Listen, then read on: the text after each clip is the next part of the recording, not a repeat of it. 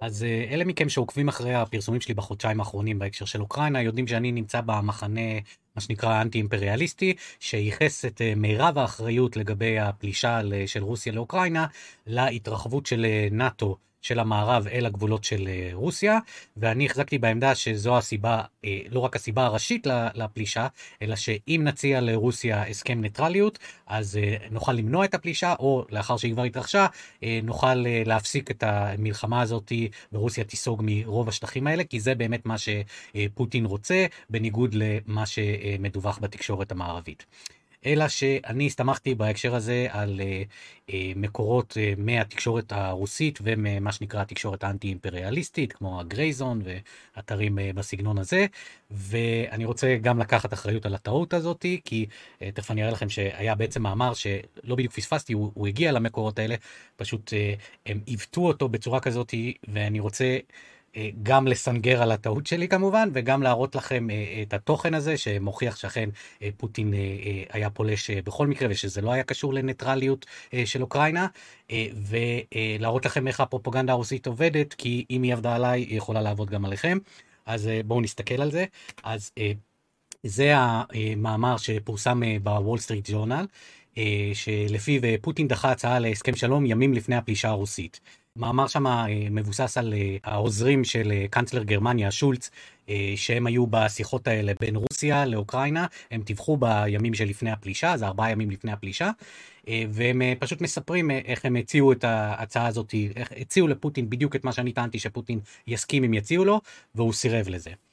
אז איך, איך אני נפלתי בפח הזה? אז במקום לקרוא, לקרוא את זה בתקשורת המערבית ישירות, בוול סטריט ג'רנל, אני קראתי בעצם לא הגעתי לזה בדיוק, אבל קראתי מאמר אחר שהופיע בפראבדה בגרסה הרוסית, אה, המאמר הזה, ואתם יכולים לראות את הכותרת, אה, Ukraine and the West planned the war for years, why didn't the Kremlin stop them? או אה, בתרגום שלי, אוקראינה והמערב תכננו את המלחמה במשך שנים, מדוע הקרמלין לא עצר אותם? וזה התרגיל הראשון שהם עשו, הם בעצם לקחו אה, אה, מאמר שהולך אה, שהם רוצים להכניס לתוכו בלית ברירה, כי פרופגנדה לא עובדת על ידי העלמה מוחלטת, זה מסוכן מדי, שקוף מדי, וגם במדינות אה, אה, שמדכאות חופש מידע ובתקשורת באופן כללי, אה, לרוב מעדיפים לקבור את המידע באיזשהו מקום שרוב הציבור לא יגיע אליו, ולא ממש להעלים אותו, כדי שאם הם ייתפסו זה לא ייראה אה, כמו אה, צנזורה על מלא. אה, אז איפה אתה שם אה, מידע שמראה שהפוטין בעצם הוא זה שסירב אה, להסכם שלום? בכתבה שהכותרת שלה בכלל על איך אוקראינה היא הגורם התוקף, או אוקראינה והמערב כמובן. אז, אז הם עושים כותרת כזאתי, כמובן בשום מקום אחר בתקשורת הרוסית והאנטי אימפריאליסטית לא דווח על זה, זה נקבר רק במאמר הזה. ולא סתם רק במאמר הזה, הם עשו פה תרגיל, שוב, אני מסנגר קצת על עצמי, אבל אני גם מראה לך, אה, בתקווה שאתם לא תיפלו בטעויות שאני נפלתי בהם. אז המאמר הזה הוא באורך אה, אה, 6,605 מילים, שזה הרבה אפילו אה, לטרחן כמוני, ואיפה הם הכניסו את זה? ב-6,205 מילים. זאת אומרת, היית צריך לקרוא קודם כל 6,205 מילים עד שהגעת לחלק הזה. לא רק זה, הם קברו את זה אה, בפסקה ה-138 אה, מתוך 144 פסקאות. וכל הדרך, כל הטקסט הזה, עד לנקודה שאתה בעצם נחשף למידע שבעצם רוסיה היא שסירבה להסכם ניטרליות, זה מאמר שתוקף את המערב ואת אוקראינה ומראה אותם כסרבני שלום, וממש יוצר את הרושם למרות שאי אפשר להראות שאוקראינה אמרה לא להסכם ניטרליות הזה, כי היא לא אמרה לו לא, זה פוטין שאמר לו לא, אבל הם משתמשים בכל מיני מונחים כדי לתת את הרושם שהם בעצם הם אמרו לא, ככה שעד שאתה מגיע לפסקאות הרלוונטיות, שכבר אני אקריא לכם אותן, אה, אתה כבר ברושם שאפילו אם אה, אה, המתי מעטים שהגיעו לשם, אפילו אם הם הגיעו לשם, הם אומרים, אוקיי, אז אה, אוקראינה והמערב תכננו מלחמה במשך הרבה הרבה שנים, ואולי רוסיה יכלה להסכים להצעה הזאת ארבע ימים לפני הפלישה, אבל זה לא כזה big deal. וכמובן זה כן big deal, כי הסכם ניטרליות זה כל הטענה של, זה הטענה של רוסיה, זה, הטענה שלה היא שכל הפלישה הזאת היא אך ורק על ניטרליות. אם אוקראינה לא תהיה בנאטו ונאטו לא יהיו באוקראינה, אין מלחמה ורוסיה מסיימת את זה, זה הסיפור. אה, ולכן צריך לקבור אותו כל כך אה, בצורה הזאת. אז בואו נראה אה, מה הם כתבו, הם בעצם העתיקו די כמעט מילה במילה את הפסקאות מהוול סטריט ג'רנל, אבל כאמור קברו את זה, אז הם כותבים, מר שולץ, קאנצלר גרמניה שולץ, עשה ניסיון אחרון לפשרה בין מוסקבה לקייב. הוא אמר למר פוטין במינכן ב-19 בפברואר, שוב ארבעה ימים לפני הפלישה, שרוסיה צריכה לסגת מדרישותיה הנרחבות בהקשר של נאט"ו כחלק מעסקת ביטחון רחבה יותר בינה ובין המערב, שבה אוקראינה תישאר ניטרלית. בדיוק מה שרוסיה רצתה. העסקה תיחתם על ידי מר פוטין ומר ביידן, שיערבו יחדיו לביטחונה של אוקראינה. שוב, בדיוק, זה מה שאני טענתי, שבדיוק זה מה שרוסיה רוצה, כולל הערבויות, אני טענתי ואני עדיין טוען שהצעד, בעיקר השמאל, אה, הוא מיתמם בזה שהוא אומר שרק אוקראינה יכולה לחתום את זה. מי שצריך לחתום בהסכם, בהסכם שנוגע לנאטו זה ארצות הברית, כי נאטו זה ארצות הברית. ארצות הברית שולטת בנאטו. אבל אה, זה בדיוק מה שהוצע להם, הוצע להם שביידן יחתום על זה גם כן, זאת אומרת נאט"ו הסכימו להסכם ניטרליות, ומה אה, פוטין הגיב על זה, זה הפסקה הבאה, אני מקריא. מר פוטין אמר כי לא ניתן לבטוח במר זלנסקי שיכבד הסכם שכזה, ושמרבית הרוסים מעוניינים בצירוף אוקראינה לרוסיה. שזה, שוב, אין לי יותר מדי מה להגיד, זה פחות או יותר כל מה שאמרו על אה, פוטין, שזה כל מה שהוא רוצה, ו... זה נראה שזה מה שהוא באמת אה, אמר גם במשא ומתן הזה. אה, אני ממשיך. תשובתו הותירה את הנציגים הגרמנים מודאגים כי הסיכויים לשלום נמוגים. הציעו להם את כל מה שהם רוצים, כל מה שאני אמרתי שהם יסכימו אליו, אה, יסכימו לו, והם פשוט סירבו. בקיצור, ראיתם איך עושים את זה, פשוט קוברים את המידע בתוך מאמר של 6,000-7,000 מילים, קוברים את זה בסוף עם כותרת מטעה, דואגים שזה לא יופיע בשום מקום אחר בתקשורת. אה, כל הטקסט עד לנקודה הזאת נותן את הרושם ההפוך, שהמערב ואוקראינה הם אלה שמסרבים לניטרליות הזאת, ואז עד שאתה מגיע כבר לגלולת רעל, שבעצם זה רוסיה ופוטין שסירבו, זה כמובן חסר משמעות למתי מעט שהגיעו לזה, וככה אני נפלתי בפח הזה. אלא שיש דבר אחד אה, ששונה ממה שאמרתי לכם עד כה, וזה שזה כן ככה היה, הכותרת אה, הייתה מטעה, קברו את זה בסוף וזה לא הוזכר בשום מקום אחר בתקשורת, אלא שהתקשורת שאני מדבר עליה היא לא התקשורת הרוסית והיא לא התקשורת האנטי אימפריאליסטית, אלא התקשורת המערבית. המאמר הזה לא נכתב בפראבדה, הוא נכתב בוול סטריט ג'ורנל.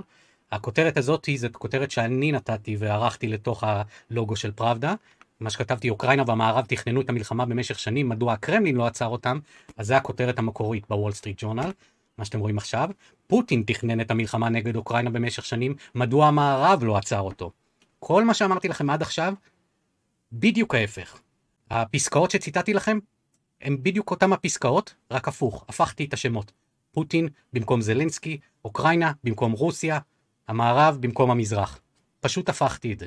איך נראו הפסקאות שציטטתי לכם? מי ששולץ, הקנצלר גרמניה, אה, הוא אמר לפוטין ב-19 בפברואר, אז הוא לא אמר את זה לפוטין, הוא אמר את זה לזלינסקי ארבעה ימים לפני הפלישה, באותו המאמר גם אה, מוסבר שזלינסקי קיבל מידע מארצות הברית, מידע ספציפי מאוד נקודתי לגבי איך הם הולכים לתקוף, איך הם הולכים להשתלט על הנמל תעופה ליד קייב, הוא ידע שהולכת להיות פלישה, וארבעה ימים לפני הפלישה הזאת הוצע לו, אה, תרד, מה, תרד מהעניין של נאט"ו, ובוא נגיע לעסקה של ניטרליות. הוצע לו אה, שביידן ופוטין יחתמו על ערבות לביטחון של אוקראינה.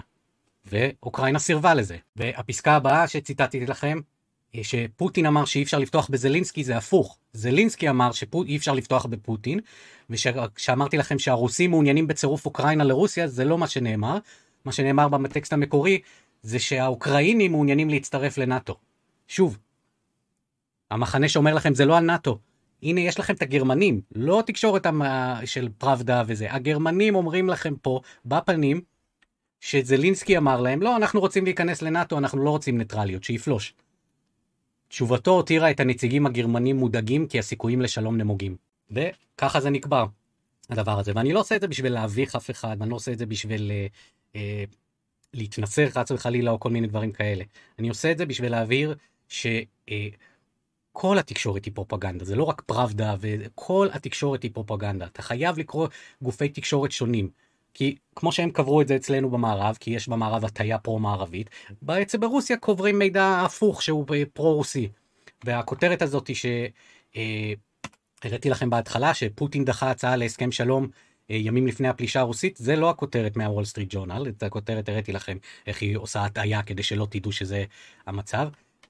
זה הכותרת המקורית שהופיעה באיפה? ב-RT, RT שצונזר אצלנו כדי שלא נדע את זה. שם הכותרת היא כמו שצריך. הם מדווחים, זלנסקי דחה הצעה להסכם שלום ימים לפני הפלישה הרוסית. זה הכותרת בתקשורת האיראנית, אותו הדבר. זה הכותרת בתקשורת האנטי-אימפריאליסטית, זה אהרון מטה מהגרייזון. אה, זה לא כותרת, זה הדיווח שלו בטוויטר, אבל הוא אה, מביא את אותו המידע. שוב, צריך לקרוא תקשורת מכל המחנות. אין שום מחנה שהוא חף מהטיות. לא האנטי-אימפריאליסטי, לא האימפריאליסטי, לא המזרח, לא המערב. אפשר להתווכח מה הרמות, איפה הצנזורה יותר קשה, איפה היא פחות קשה, אבל זה חסר משמעות, באמת. האמת נופלת לא בגלל שפוטין מצנזר או דובר צה"ל מצנזר, אלא לכל העיתונאים יש הטיות משלהם, גם לי, כולנו עושים עליכם פרופגנדה. מה שהם צריכים לחפש זה מידע גולמי, ואם אין מידע גולמי אז צריך לקרוא מגופי תקשורת שונים, כי כולם יש להם את ההטיות שלהם. עכשיו, מה הדרך הטובה ביותר לבדוק אה, הטיות של גופי תקשורת? זה לעשות מבחן A-B, לראות איך הם מתנהגים כאשר אותו הפרסום אה, על אותו הנושא, אה, עם אותו הגורם, נמצא במצב ההפוך לחלוטין. אז היה לנו את הכתבה הזאת של הוול סטריט ג'רנל שהתחלנו איתה, שקברו בה את הפרסום על אה, אוקראינה, על זה שהיא סירבה להצעת ניטרליות. אין לנו את הסירוב המקביל בצד הרוסי, כי הרוסים פשוט לא סירבו לניטרליות, אבל אני חושב שכולנו יודעים שאם הרוסים היו מסרבים לניטרליות, היינו קוראים כותרות על זה בכל התקשורת המערבית. אבל יש לנו כן מצב אחד הפוך להשוות אליו. אז הכתבה הזאת פורסמה בראשון לאפריל בשעה חמש. מה זה הראשון לאפריל בשעה חמש? זה עוד דרך לקבור מידע. ראשון לאפריל היה יום שישי. אה, יום שישי אחר הצהריים ידוע בתור ה-Friday News Dump. אה, היום שבו, היום והשעה שבו זורקים הממשל האמריקאי, אה, גופי הביון האמריקאים ובאופן כללי במערב ובכל העולם הנוצרי, הממשלות וגופי הביון זורקים מידע שהם רוצים שייקבר. כי זה אחרי שכבר העיתוני דפוס פורסמו של הסוף שבוע, ועד שכבר יתחיל הניוז סייקל הבא ביום ראשון, ביום שני בעצם בעולם שלהם, אה, אז אה, כבר איך שהתקשורת עובדת זה כבר לא חדשות, זה דברים ישנים וזה כבר לא מסוכר. ככה אתה מקבל את המינימום סיקור, מינימום חשיפה. אז גם הם, אז הם גם קברו את זה ב-Friday News Dump בשעה חמש, ומה אתה עושה כשיש לך לא רק אוקראינה אלא בכלל פוליטיקאים, אה, בכלל ביחסי ציבור, מה אתה עושה כשאתה יודע שעוד יומיים הולכת להתפרסם עליך כתבה שחושפת שאתה סירבת להסכם ניטרליות? כמובן, מה שעשתה אוקראינה, זה יומיים לפני זה התפרסמה הכתבה הזאת, שאולי חלקם, אה, חלקכם זוכרים, שאוקראינה מציעה ניטרליות. זאת אומרת, פתאום אה, יומיים לפני הפרסום הזה מופיע פרסום שאוקראינה מציעה דווקא ניטרליות עכשיו. בפועל זה לא באמת היה, אוקראינה הציעה ניטרליות שהייתה תלויה בזה שהמערב יסכים אה, אה, שאם היא תותקף, אז אה, חברות נאט"ו יגנו עליה, שזה בעצם להיות חברה בנאט"ו מבלי לקרוא לזה להיות חברה בנאט"ו, כי חברות בנאט"ו זה הסעיף הראשי שם זה סעיף 5, שאם תוקפים אותך אז חברי נאט"ו מגנות עליך. אז זה לא באמת היה ניטרליות. אבל דרך זה דרך התגובה של התקשורת לזה אנחנו יכולים לראות את ההטייה של התקשורת המערבית. אז זו הכותרת מאותו העיתון בדיוק, הוול סטריט ג'ורנל. זאת אומרת, יומיים לפני כשהוול סטריט ג'ורנל מפרסם את זה, הוא עושה מזה כותרת. כשאותה אוקראינה, אותו הסכם ניטרליות, פעם אחת היא מסכימה להסכם ניטרליות, פעם אחת היא נגדו. כשהיא מסכימה זה פשוט כותרת. אוקראינה מציעה ניטרליות. זה הכל, בלי התחכמויות. ישר בכותרת, כתבה קצרה שפשוט מראה שזה מה שהיא מציעה. כשהיא לא מסכימה ראינו, זה קבור ב- Friday News Dump אחרי 6,400 מילים. וזה לא רק הוול סטריט ג'ורנל, שוב, ראינו אה, אה, כש... כשהפרסום היה שאוקראינה מסרבת, ראינו אין כלום בתקשורת המערבית. איך זה נראה כשיומיים לפני כן, כשהיא הציעה כביכול להסכים להסכם ניטרליות? אז היה לנו את הוול סטריט ג'רנל שעכשיו ראינו, זה הגרדיאן, גם כן, ישר בכותרת, Ukraine has offered neutrality, זה ה-BBC, זלנסקי says Ukraine prepared to discuss neutrality, רויטרס, וושינגטון פוסט, Foreign Policy, בקיצור, אתם רואים, וגם פה בישראל, כשהם סירבו לניטרליות, לא ראינו כלום בתקשורת הישראלית. כשהם מסכימים, גלובס, אה, אה, אוקראינה מוכנה לניטרליות, הארץ, אוקראינה מציעה סטטוס קוו על קרים, ynet, בלי נאט"ו עם סעיף 5 והאיחוד האירופי, התקדמות הגדולה ביותר במשא ומתן עד כה. ישראל היום, נציגי רוסיה ואוקראינה נפגשו באיסטנבול למשא ומתן ישיר. על פי הדיווח, אוקראינה הסכימה שבמסגרת ההסכם יוסגר מעמד חצי האי קרים בתהליך ארוך טווח. אה, וואלה, אוקראינה מוכנה לא להצטרף לנאט"ו ולקיים שיחות על האי קרים. בקיצור, אתם רואים את, את ההבדל בצורה מאוד ברורה.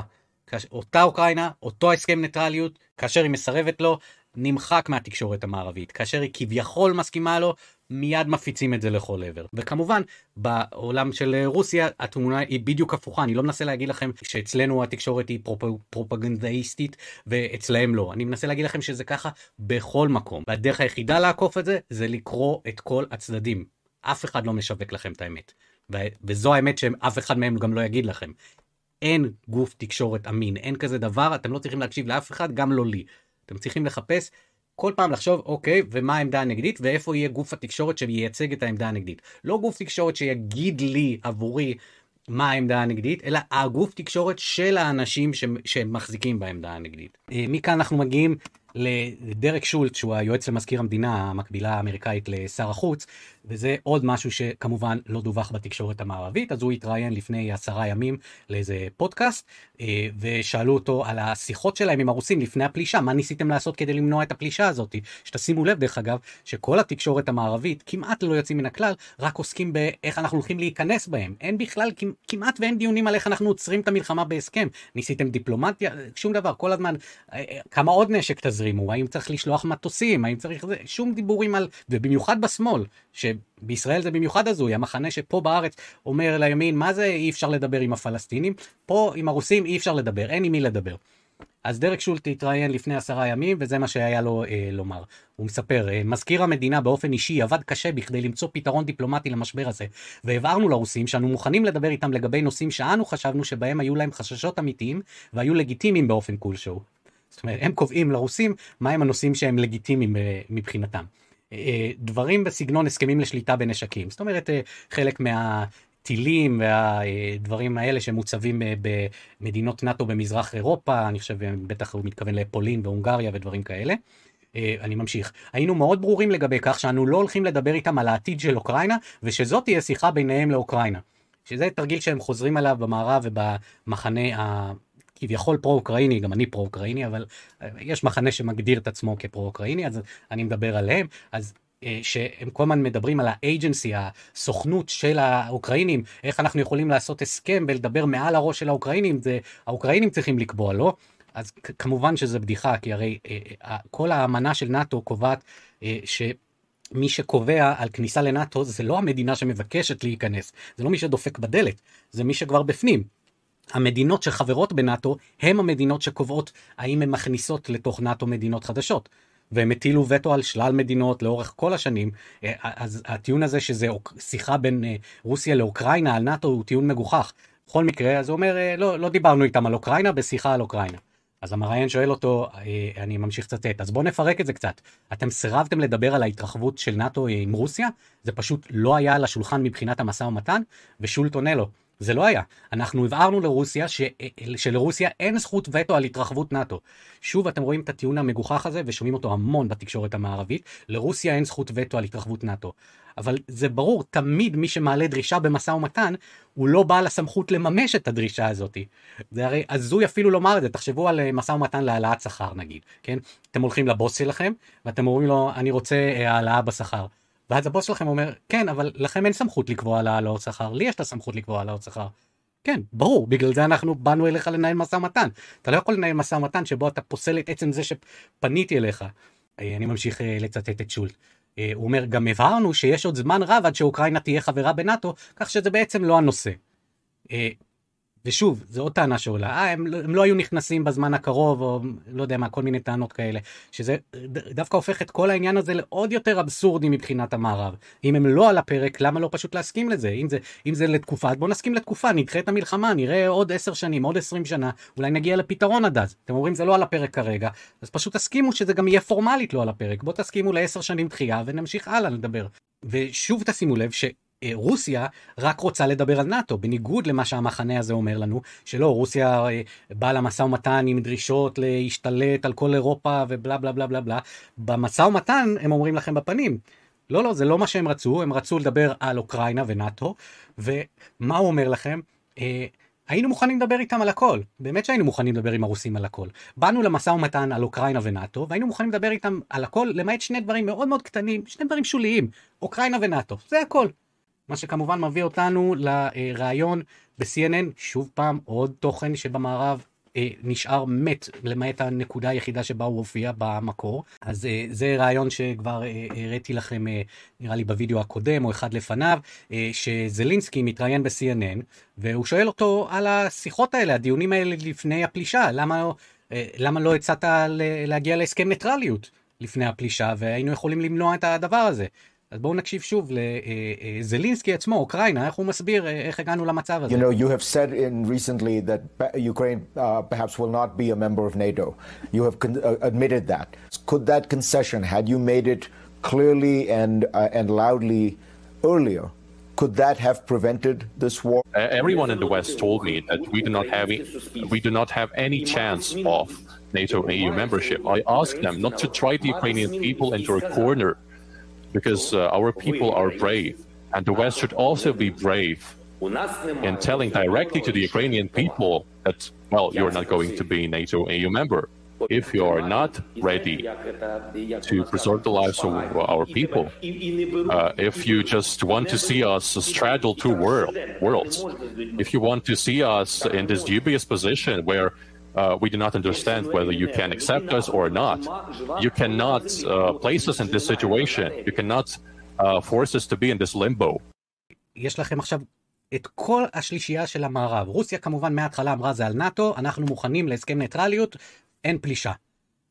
המחנה הנגדי אמר לא לא לא זה לא על הסכם ניטרליות, פוטין פשוט אה, אימפריאליסט, הוא רוצה להתרחב, הוא רוצה לתפוס את אוקראינה וגם אם נציע לו ניטרליות זה לא יקרה. אז עכשיו שמעתם את הגרמנים כן, את הצוות של שולץ, אומרים לכם אה, שזה היה זלינסקי ואוקראינה שסירבו להסכם ניטרליות. עכשיו, אה, אחרי זה אה, שמעתם את אה, שולט, היה לנו את שולץ, הקאנצלר גרמניה, ועכשיו, ואת שולט, היועץ אה, למזכיר המדינה האמריקאי, הוא אמר לכם, אה, רוסיה רצתה לדבר על ניטרליות אה, של אוקראינה ולא הסכמנו. אז היה לנו את הגרמנים, האמריקאים, עכשיו יש לכם את זלינסקי עצמו אומר, את אותו הדבר, הם אמרו שהמערב לא הסכים לדבר על זה, ולא הסכים להגיד להם אם הם הולכים להיכנס לנאטו או לא, הולך, או לא הולכים להיכנס לנאטו, זאת אומרת, הם אמרו להם, אמרו אנחנו לא נכניס אתכם, אבל אנחנו נשאיר אתכם, כמו שהוא אומר, נשאיר אתכם בלימבו הזה, שתישארו קרועים בין רוסיה, למה לנאטו, שזה בדיוק מה שהם עשו לאפגנים, מה שהם עשו לסורים, מה שהם עשו אה, אה, אה, ב- עם הגיאורגים, אה, זה, הרעיון הוא לעשות מלחמת פרוקסי עם רוסיה, למרוח את זה כמה שיותר זמן, כדי לדמם את רוסיה, כדי להשיג כל מיני יעדים גיאו-אסטרטגיים יותר גדולים, שאני יכול לדבר עליהם בהרחבה, ואולי אני אעשה את זה באיזשהו סרטון בהמשך, אבל אתם רואים שזה לא הסיפור הזה שמסופר לנו על זה שזה לא נאט"ו. מכל הצדדים, יש לכם עכשיו את כל הצדדים, ממש you know... את כל הצדדים ביחד אומרים לכם. גם המערב, גם הגרמנים, גם האוקראינים, גם האמריקאים אומרים לכם זה על נאט"ו וסיבה, וסירבנו לדבר עם הרוסים על ניטרליות. זהו בעצם, ודבר אחרון שאני אגיד שוב, זה שראיתם שלושת ההודעות האלה, כן? ההודעה של זלינסקי, ההודעה של הצוות של אה, קאנצלר גרמניה, וההודעה של אה, שולט, היועץ של מזכיר המדינה האמריקאי, שלושת ההודעות האלה קבורות במערב. אנחנו אוהבים לדבר על איך אה, ב, אה, אצל הרוסים יש פרופגנדה, אצל הרוסים מצנזרים דברים, אבל הנה שלוש פיסות מידע דרמטיות. דרמטיות לקביעה שלכם כקוראים, כצופים, להבין מה קורה פה, מי מסרב לדבר, מי מסרב להסכם. שלוש פיסות מידע דרמטיות. ת, ת, תציגו את זה ואז תגידו, אלה הסיבות שאני חושב שזה לא, לא רלוונטי. ת, ת, אבל לא לדווח בכלל לציבור שלך, לא לדבר לקוראים שלך בכלל על מידע כזה,